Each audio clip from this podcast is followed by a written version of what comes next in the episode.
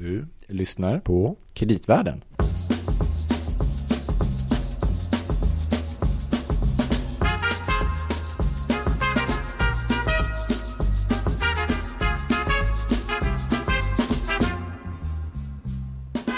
Gabriel Bergin anropas. Louis Landeman. Är det du som pratar? Ja, det är faktiskt jag. Ja. Hej Gabriel. Hej, hej. Ja, man känner sig som näst... eh, kreditvärlden. Ja, exakt. Kreditvärlden är det här. Jag tänkte säga, man känner sig nästan som uppskjuten ja, när du, när du omropar av liksom den här ja, eh, marknadsrörelserna på räntemarknaden senaste månaden. Jord- Jorden till månen. Ja, jo, precis.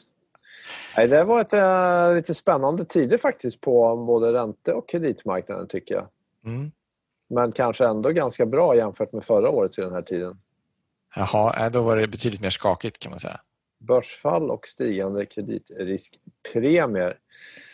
Eh, Men just nu är det ju rekordhöga aktievärderingar och eh, kreditmarknaden går väl, vad säger man, på alla cylindrar. Det emitteras nya obligationer i rasande takt.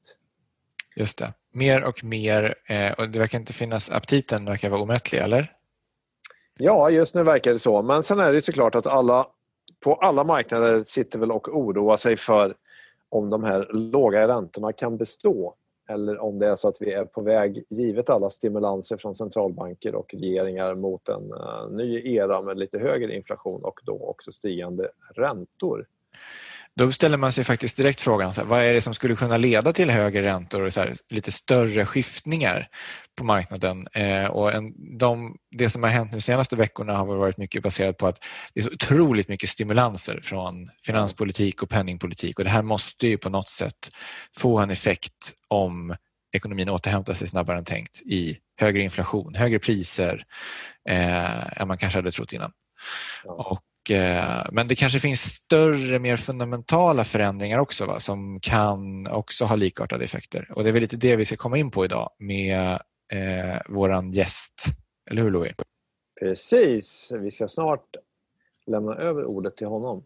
Men ska jag säga först, det här är Kreditvärden-podden som vanligt med Louis och Gabriel av och med oss Mm. och olika gäster. Idag också med Roger Josefsson. Har vi dig med Roger? Det är klart jag är med. Det här får man ju inte missa. Härligt. Direkt ifrån bunkern i Strängnäs eller? Direkt ifrån bunkern i Strängnäs. Perfekt, vi vet var vi har dig. Ja, strax utanför bunkern. Mottagningen är bättre här. ja, jag förstår. Ja, men toppen. Men eh, Roger, vi ska snart komma tillbaka till dig och prata kring det här. Men vi tänkte att vi skulle försöka koppla in det här med inflation och eh, vi pratar mycket om hållbarhet och det finns en intressant koppling mellan de här två sakerna. Mm. Men jag tänkte kanske först bara, Gabriel, ska vi bara göra en liten så här kort recap? För att det var ju det var ju eh, så här spännande Fed-möte här i veckan och Mm. många har ju, hade ju suttit och fruktat här att Eh, långräntorna var på väg uppåt, speciellt i USA. Sen kan man ju tycka när man tittar på nivån så här så låter det inte jättehögt att eh, amerikanska tioårsräntan är på 1,60 men det är klart om den har varit mycket lägre innan så kan man ju bli oroad över det. Mm. Och då var man väl orolig för att eh, Fed skulle justera sina prognoser och sin inriktning för penningpolitiken eftersom Ja. att de kanske också såg att återhämtningen går fortare än, än befarat. Ja, precis. Exakt. Så det var ju en svår balansgång här för, för Powell när han skulle hålla tal. Mm. Men då lät det väl så här va? talking about inflation is one thing. Actually having inflation run above 2% is the real thing. So I, uh, uh, we, you know, over the years we've, we've talked about 2% inflation as a goal, but we haven't achieved it. So I, I would say we'd like to, you know, perform. Uh, that's what we'd really like to do is to get inflation moderately above 2%. I don't want to be too specific about what that means because I, I think it's hard to do that. And we haven't done it yet. You know, when we're actually above 2%, we can do that. Ja, men faktum är han, han sa ju ganska mycket och det var ju mycket frågor till honom också. Men det, det är ju väldigt intressant ändå när man tittar på prognoserna som då uppdaterades av Fed. För man höjer ju BNP-prognosen rätt mycket för då. Man går från 4% till 6,5.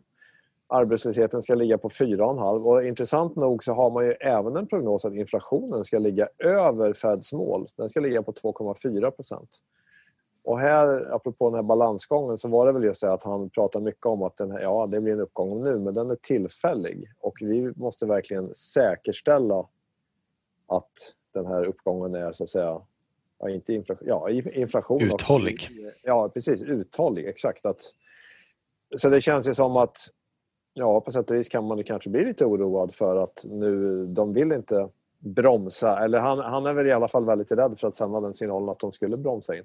Mm. Men vi kan väl misstänka att det här temat kommer att komma upp igen senare under året. Men här hjälper väl hjälper inte den här nya average inflation targeting regime också till lite grann här liksom, för, för Fed just att ge det här utrymmet. Så det här var väl ett jättebra exempel på liksom hur det kommer att funka framöver. Det är kanske är där vi får snarast vänja oss vid att, att inflationsprognoserna liksom, både över och underskjuter med, med, med, med jämna mellanrum. Mm. Att det är lite större tolkningsföreträde för Fed att ta hänsyn till vilken typ av inflationsimpuls det är snarare än hur stor den är. Mm, precis. Mm. mm. mm. Nej, men precis, och det är ju det är väl det som, eh, som många spekulerar i som är skrivet i stjärnorna. Vad är det här för typ av inflationsimpuls och hur stor kommer den faktiskt att bli utav att... Eh, och det finns ju en massa knäckfrågor. Vad, det här, allt, alla, alla, allt som har sparats eh, under förra året till följd av utebliven konsumtion, kommer de läggas på ny konsumtion eh, i år till exempel eller eh, ligger man kvar på det? Eh, om man tittar på Sverige så verkar ju mycket av det gå till fastighetsinvesteringar. Men eh, om vi, Roger, över, liksom över till dig här och med den här frågan då, för att det har ju länge, länge pratats om att inflationen borde någon gång ta fart. Vi har dock aldrig riktigt sett det. Löneökningstakten fortsätter att verka vara låg och det liksom händer ingenting. Men kan vi stå inför någon form av game changer här vad gäller inflationen så att den skulle kunna bli lite högre? Och det här med hållbarhet och den omställningen. Är det någonting som skulle kunna vara en sån game changer? Nej, men det, är, det är väl en, en jättebra eh, fråga, Louis.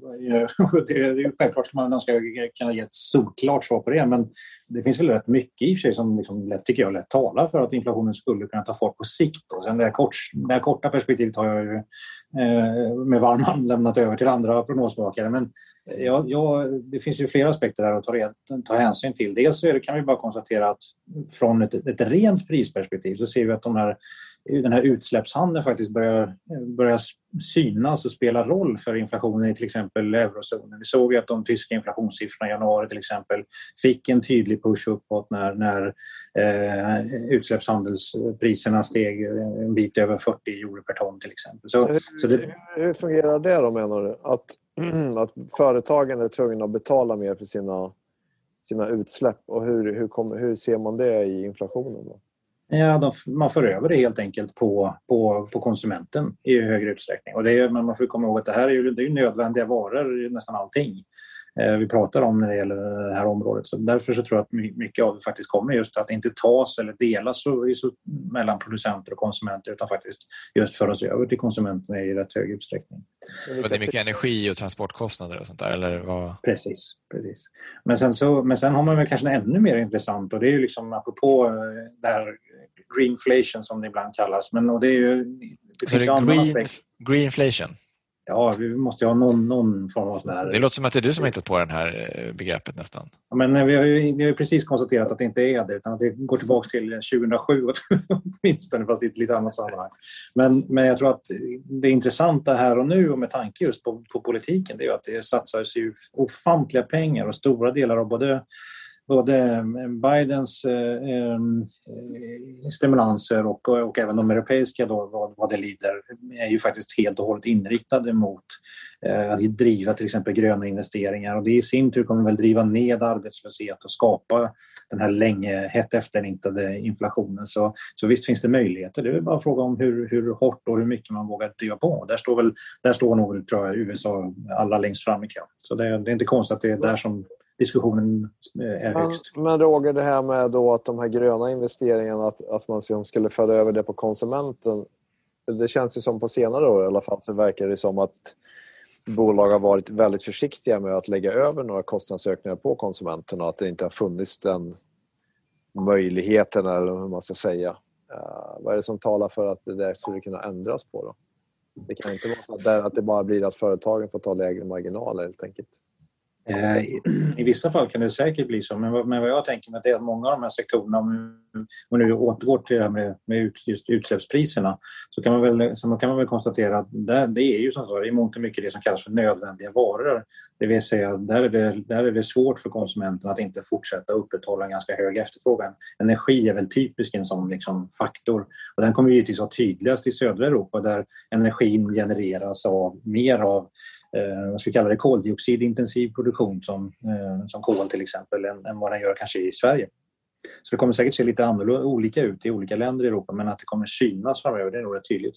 För här ska man ju, jag tycker det som är lite skönt tycker jag, att nu kan man ju faktiskt ta lite spjärn mot eh, forskningen igen och vi, den är ju ändå förvånansvärt liksom eh, vad ska jag kalla det, eh, kommer till förvånansvärt likartade resultat. Och någonstans brukar man säga någonstans kring eller kanske till och med över 100 euro eller dollar per ton eh, när det gäller utsläpp eh, är väl det som krävs för att hålla oss under de här tvågradersmålen vi ofta snackar om. Och det är klart att eh, det sätter ju ändå ganska, tycker jag, sätter ganska mycket i relief. Jag vet att Deutsche Bank för någon månad sedan gjorde en, en tydlig studie där man, man såg att eh, jag tror att det var tre gånger genomsnittsvinsten för till exempel energibolag i Europa skulle tas i anspråk om, om, eh, om koldioxidpriset skulle stiga just till 100, 100 euro per ton inom en kort tid. Så det, det är ganska stora effekter. Vad ligger, vad ligger det någonstans idag, det här priset ungefär? Eh, ja, det har ju accelererat oerhört kraftigt och häromdagen låg det på 43, det var ju ny, ny rekordnivå, 43 euro per ton. Så det, det, har gått upp ganska, ganska snabbt den senaste tiden. Och som sagt det börjar, det börjar också synas som jag sa förut, också inflationssiffror. Mm. Men är det här, det här priset som du talade om, är det, det är liksom på europeisk basis eller? För vi har väl ingen global handel med utsläppsrätter, eller har vi det? Eh, nej, tyvärr har vi inte det. Men eh, där har ju eh, John Kerry han har varit på rundresa i Europa alldeles nyss. Och det är väl en av de saker som jag tror att han eh, ville, verkligen ville föra fram. Det var att USA såg, såg sig nog villigt att skapa någon form av gemensam utsläppshandelslösning med Europa och kanske också med andra stora utsläppare som typ Kina och Indien och sådär. Det hade ju varit eh, det tror jag, fantastiskt. För det är, det är ju bara att konstatera att det hade ju varit det är verkligen en sån här first best solution eh, på, på klimatfrågan tycker jag. Mm. Men vad, vad, krävs liksom för att det här ska verkligen hända? Då? För att är det inte också så här någonstans att om de här priserna, jag vet inte riktigt hur det funkar, men om de ska förbli höga, borde det inte vara så att ett företag så borde man så att säga, vara rädd för, kan jag tänka mig, om man då har utsläpp, att eh, om vi inte minskar dem så kommer vi att drabbas av någon form av straff eller tull eller avgift eller någonting sådär så att man verkligen jobbar mot att få ner sina utsläpp. Så är, är det här beroende av att politiker, att man verkligen driver alltså re, re, piska om morot lite grann. Då, så att det, man, man, kommer att se att om fem år så kommer vår kostnad om vi inte gör det här att öka. För annars kan man ju tycka sig var, varför skulle man egentligen vilja göra en omställning som företag om man inte behöver betala för sina utsläpp? Men, nej, men det är ju helt, det är helt korrekt att det, det, kräver ju att vi faktiskt för upp priset till de här nivåerna men samtidigt kan man väl konstatera att politikerna har ändå visat sig förhållandevis villiga att faktiskt låta priset gå iväg lite grann. Det är till och med så att det börjar nu, när det ligger på de här 40, 43 euro per ton till exempel, så är det ju stora delar, alltså den danska miljöministern tror jag det var till exempel var ute häromdagen och menade på att nu får vi nog vara lite försiktiga så att det, liksom, så att det inte blir en massa spekulation och sådär de här siffrorna. Så, så ja, det är klart att det kommer krävas svåra politiska beslut men å andra sidan, vi har ju redan skrivit på internationella avtal och jag tycker ändå att eh, inriktningen för, för, för politiken och politikerna är ganska tydlig mot att ja, vi ska försöka nå det här tvågraders eller ännu hellre åt en och en halv grads mål och då kommer den här typen av priser krävas. Eh, och det är därför jag tycker att det är väl dumt att liksom eh, alltid utgå från att politikerna eh, fattar fel beslut. Eller, eller vad säger du Gabriel? Nej, men jag tänker att det kan ju, bli, det kan ju förändras om det är så att det, det, det, det slår mot eller liksom syns för konsumenterna på ett annat sätt än tidigare. Mm. Precis. Eh, och att du får liksom en annan dynamik. Då. Det handlar inte bara om att du har ett vissa stora producenter av säg, stål eller, eller energi som förvisso kommer ner till konsumenterna också men det är framförallt varit de stora tunga industrierna som har drabbats av utsläppshandeln hittills. Nu gissar jag lite grann, men du får säga emot mig Roger om jag har fel. Men om det väl börjar trilla ner i detaljhandelsledet eller, eh, så att säga, eller eh, i högre utsträckning så kanske det blir en annan inställning. Men en fråga där då till dig Roger, är, liksom, mm. är om utsläppshandelspris, om priset på utsläppsrätter ökar säg med, med eh, med en gång, dubbelt då, till 100, ton, 100 euro per ton nu. Liksom vilka, vilka, vilka länder i Europa drabbar det hårdast? Är det vi nordiska länder som har ett mycket större energibehov för att värma till exempel? Eller liksom hur fördelar det sig i så fall? Nej, men, nej, men det, är, det är också en jätteintressant frågeställning. Det är klart att de länderna som drabbas hårdast är de som har väldigt mycket till exempel kol i energimixen. Sverige är ju inte ett land som kommer drabbas speciellt hårt. Det, det tror jag man ska, vara, man ska vara väldigt tydlig med. Eh, så, det, så det kommer ju att kräva eh, större, det blir större problem för, för till exempel, ja, Polen är ett uppenbart exempel, men även för andra delar av, eh, av södra Europa, framförallt med Spanien och Italien och en del andra länder. Mm. Men, men sen, så, sen, sen tycker jag man ska, det är lätt att hamna i det här, okej, okay, stagflation från, från, eh, från, från gröna investeringar och greenflation. Men det är inte liksom, jag tycker det är kanske lite förenklat fortfarande för i det här får vi komma ihåg ligger det ganska mycket positiva förändringar också. menar, vi vet redan idag att marginalkostnaden för att producera el med solkraft är, är, är, är den lägsta av alla energislag egentligen i stora delar av världen. Och det är klart att här ska man ju vara rätt tydlig med att säga att idag utgör det på global och jag tror eller på global basis ungefär 3% av energimixen. Men jag menar, tänk när den här stiger till 30, 60, 90 procent av den globala energimixen. Det är klart att det kommer ju öka produktiviteten i energisektorn och i alla sektorer som är beroende av energi väldigt, väldigt kraftigt. Så det finns ju, jag tycker man får inte bara, liksom, får inte bara hamna i okej, okay, alla priser stiger upp och vojne, vojne. Liksom. Det blir högre räntor men det blir inte speciellt mycket högre tillväxt. Jo då, det kan det nog bli också men det gäller ju att vi, vi behöver att vi fattar de här besluten och att vi faktiskt implementerar den teknologi som, som står till buds idag. Och där, där tror jag det finns massor kvar att göra. Så jag är inte, är inte bara, jag är inte bara stagflationist eh, från, från, men, från grön. Blir, blir det så? Då? För annars kan man tänka spontant att olja är väl, det är väl en anledning till att det är så populärt. Jag menar att det är väldigt enkelt att använda och liksom du får ut en hög effekt när du har en förbränningsmotor och sånt där. Liksom jag ser vissa, alltså, när, när vi pratar energi så kan man eh, tänka i första hand i sig elgenerering men det, ju, det, finns ju en poäng att liksom inkludera till exempel även, även transporter förstås i det. Mm. Eh, och, och, eh, jag vet inte vad, vad, ni säger, det här är ju egentligen mer er hemmaplan men mitt intryck är ändå att fordonsindustrin är ju väldigt inriktad på elektrifiering inom en nära framtid och batteri, liksom, teknologin har ju tagit liksom, stormsteg får man väl ändå säga under de, under de senaste åren. Så, och även där som sagt så finns det väl ganska betydande liksom, produktivitetsvinster att göra. Så, ja, det kanske är lite svårare när man inkluderar liksom, transport i, liksom, i en energidiskussion. Men jag tänker mig mer som så just att energi är så basalt i all form av mänsklig verksamhet och all typ av företagsamhet. Och där ja. tror jag det är den stora effekten. Är. Ja, det är klart, det är på många olika områden. Men vi har ju haft nyheter på sista tiden om till exempel stålbranschen. Att man ska med vätgas producera grönt stål. Det är ju både med LKAB, SSAB och sen det här nya bolaget som ska bli en, en konkurrent. Men det, jag menar i det fallet till exempel, där, det gröna stålet kommer i alla fall initialt, det kommer inte bli billigare än, än, äh, än så att säga vanligt stål. Så det bygger det väl på att kunderna är återigen alltså, mm bilindustrin då till exempel, att det finns en betalningsvilja och då, i förlängningen, men då är man inne på det här med greenflation som du säger då, för då tänker man att om, om den bilen blir dyrare så kommer man att lägga över en del av den kostnaden på konsumenten sen.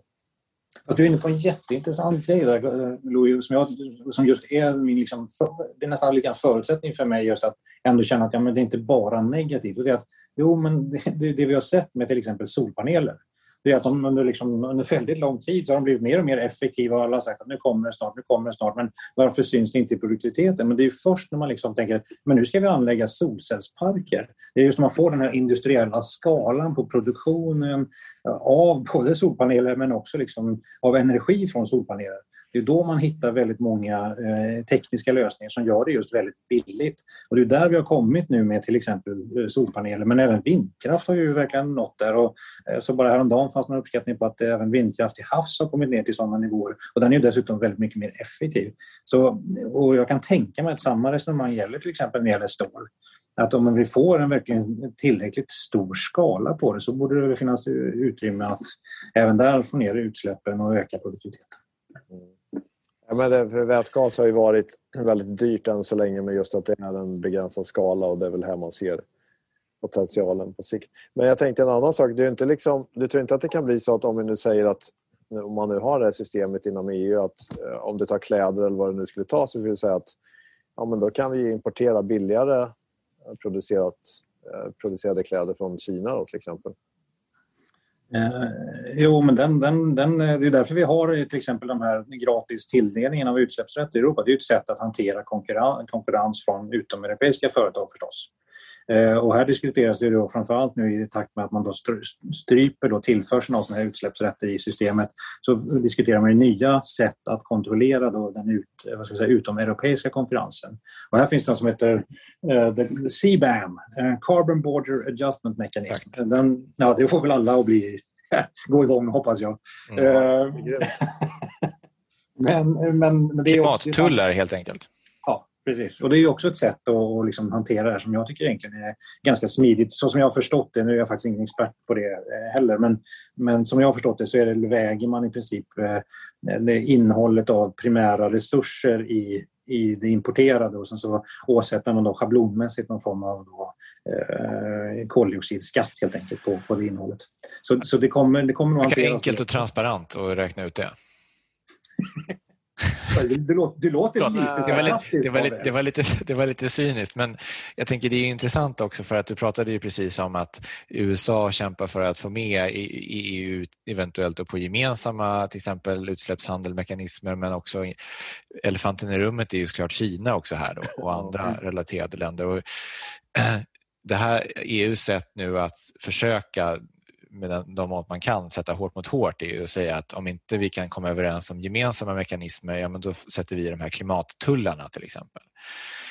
Så, och det kan ju leda till antingen att, att ehm, eh, Kina ger med sig och man kommer överens på något sätt på någon slags global nivå. Eller så leder det till att, då att vi får en ökad protektionism och det brukar väl aldrig vara särskilt positivt för liksom slutpris till konsument när man har, har, har den typen av eh, saker. Jag bara tänker det är också relevant i det här inflationsscenariet som vi målar upp. Eller tänker jag fel Roger? Men Gabriel, allvarligt talat, hur ofta tänker du fel? Det är, är, det, är det ofta jag brukar anklaga dig för det? inga, inga, inga, kommentarer. Nej, Tack. Nej, bra. Nej, men, eh, Okej, okay, någon gång kanske. Men, men, eh, men så här, ja, men det, återigen, det är klart att jag tror att man ska vara medveten om att, att det här som vi håller på med nu, omställningen mot ett grönt samhälle, den kommer komma med kostnader generellt. Mm. Vad jag är ute efter är bara att vi, jag tror inte vi ska, ska bli alltför enögda för i det här så ligger det, liksom, jag tänker framförallt på innovationssidan, så finns det nog rätt mycket där vi kan hämta produktivitetsvinster som balanserar de här kostnaderna något sånär i alla fall.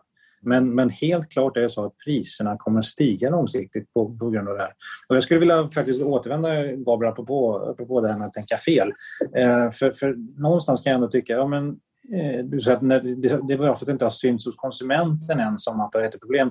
Ja, men vi hade ju den här alltså, gula västarna. Det var väl, det var väl just mm. ett uttryck för att det började synas hos konsumenten och det gillar man inte. Men är det inte ändå lite annorlunda idag? Eh, jag, tycker tvärtom så tycker jag man ser och hör i allt fler sammanhang att konsumenterna är villiga att betala en premie för, för, för den här typen av produkter. Men, eh, eller är det jag som tänker fel? Fasen, Roger, har du gått och blivit optimist? Vad är det som har hänt? jag är helt chockad. Ja.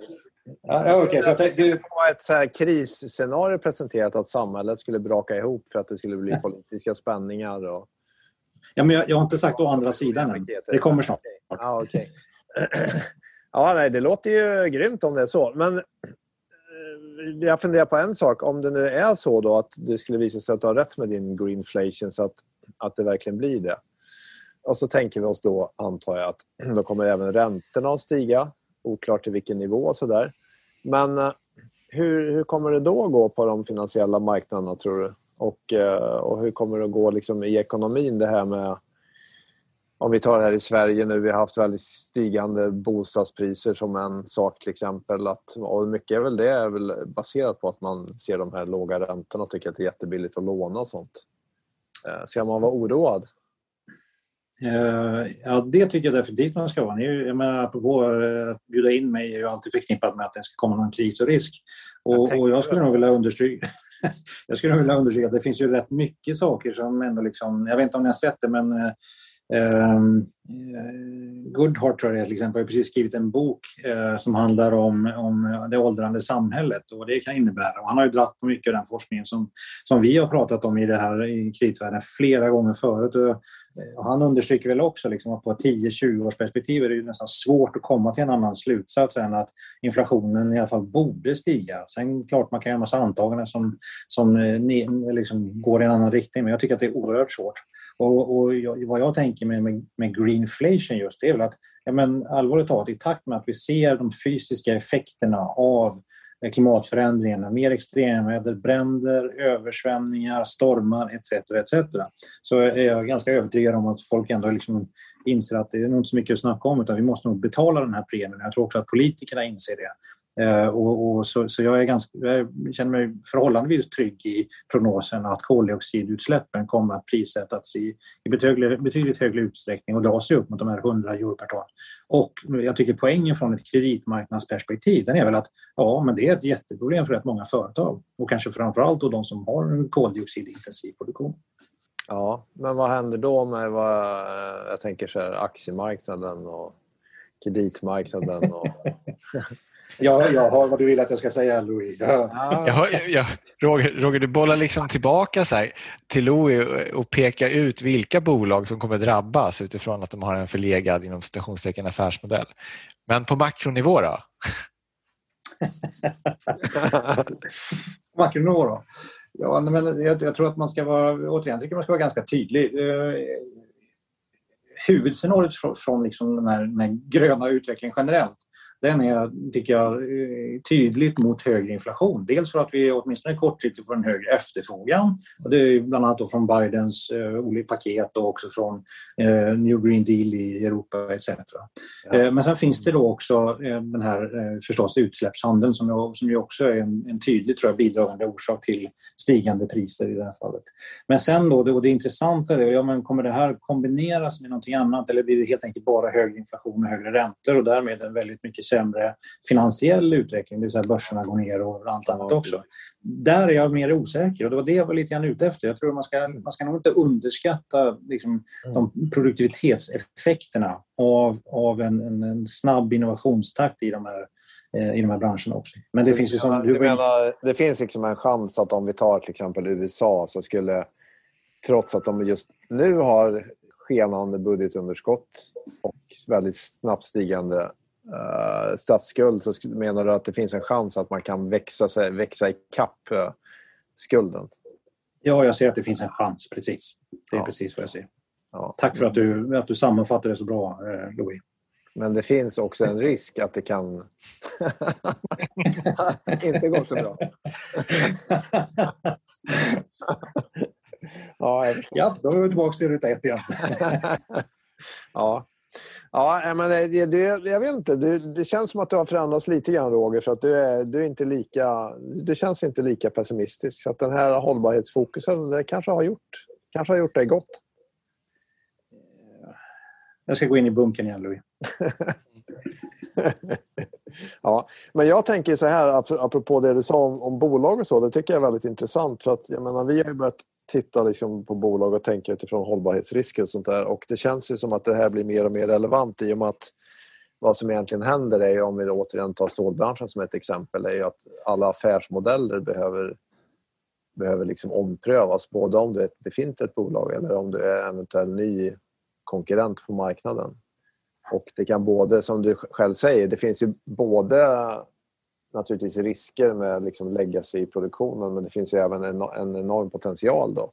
Mm. Och även då kanske egentligen som vissa av de här faktiskt eh, visar på att de har ju ändå en kalkyl som säger att de ska kunna ta ut en högre marginal på de här nya produkterna. Och det känns ju som att det, är väldigt, det borde vara väldigt positivt. Men, men, samtidigt, Louis, det, det, Roger också pekar på är väl att det, det kan också leda till en, en större liksom fragmentering av eh, bland bolag där de som inte mäktar med på grund av för låga marginaler till exempel eller, eller eh, att man ligger fel i sin produktmix eller någonting att, att man inte mäktar med de, de, de, eh, de kostnader i utveckling och innovation som kanske behövs för att ställa om. Eh, så det kan ju liksom finnas ett antal vinnare men också ett antal förlorare i det här. Ja, men precis. För återigen, om man tänker sig stål så är det ganska intressant att fundera på det här om man då står med befintlig produktion som nu skulle ha ett högt fossilinslag.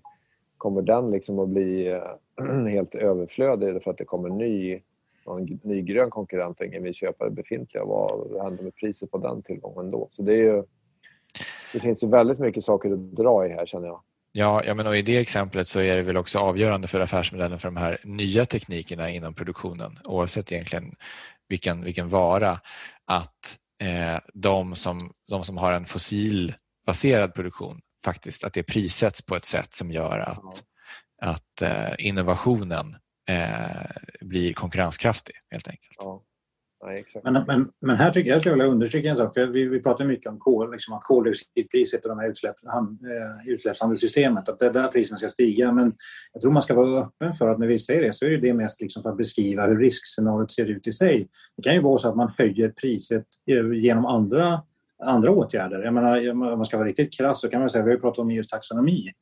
Men det är, det är också ett sätt förstås att höja priset på koldioxidutsläpp. Liksom. Eh, andra regleringskrav eh, eller se till, instruera bankerna i princip att liksom höja, eh, höja priset på finansieringen och den typen av bolag etc.